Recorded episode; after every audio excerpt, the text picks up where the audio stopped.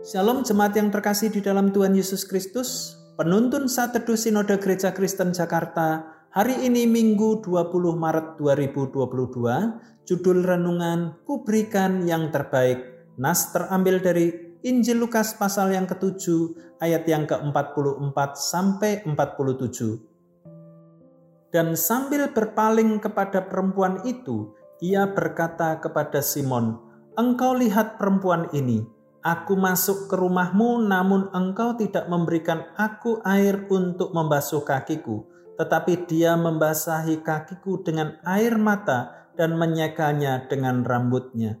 Engkau tidak mencium aku, tetapi sejak aku masuk, ia tiada henti-hentinya mencium kakiku. Engkau tidak meminyaki kepalaku dengan minyak, tetapi dia meminyaki kakiku dengan minyak wangi.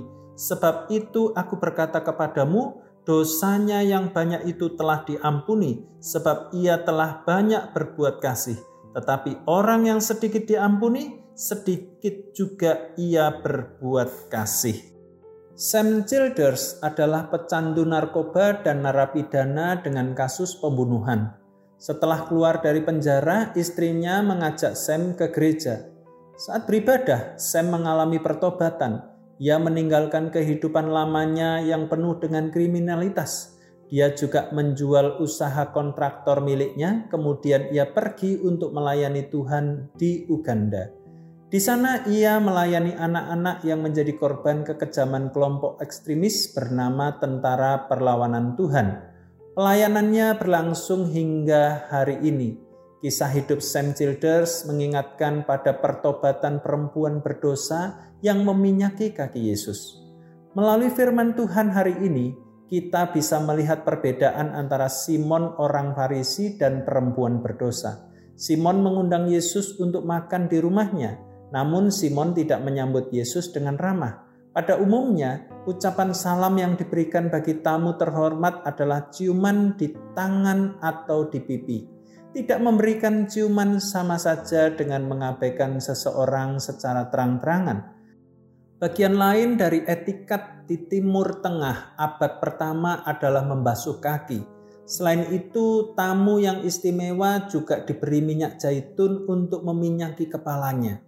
Namun ketika Yesus datang ke rumah Simon, tidak ada ciuman salam, tidak ada yang membasuh kakinya, dan minyak untuk kepalanya juga tidak ada. Yesus diabaikan dan dihina. Berbeda dengan perempuan berdosa yang tiba-tiba menghampiri Yesus. Perempuan itu membasahi kaki Yesus dengan air matanya dan menyekanya dengan rambutnya.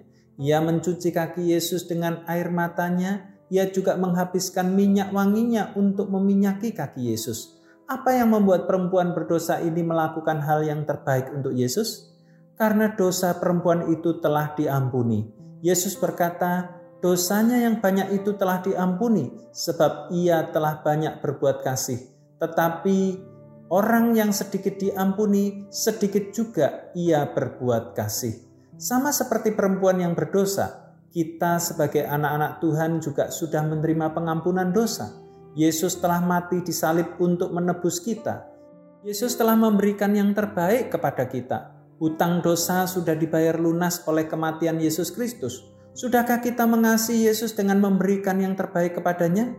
Cinta kasih bukan hanya sekadar perasaan, namun berwujud sebuah tindakan. Jika kita mencintai Tuhan, maka kita memberikan yang terbaik kepada Tuhan. Terbaik artinya memberikan waktu, harta, dan tenaga kita yang terbaik kepada Tuhan. Sudahkah kita melakukannya? Cinta kasih bukan hanya sekedar perasaan, namun berwujud sebuah tindakan. Selamat beraktivitas, Tuhan Yesus memberkati.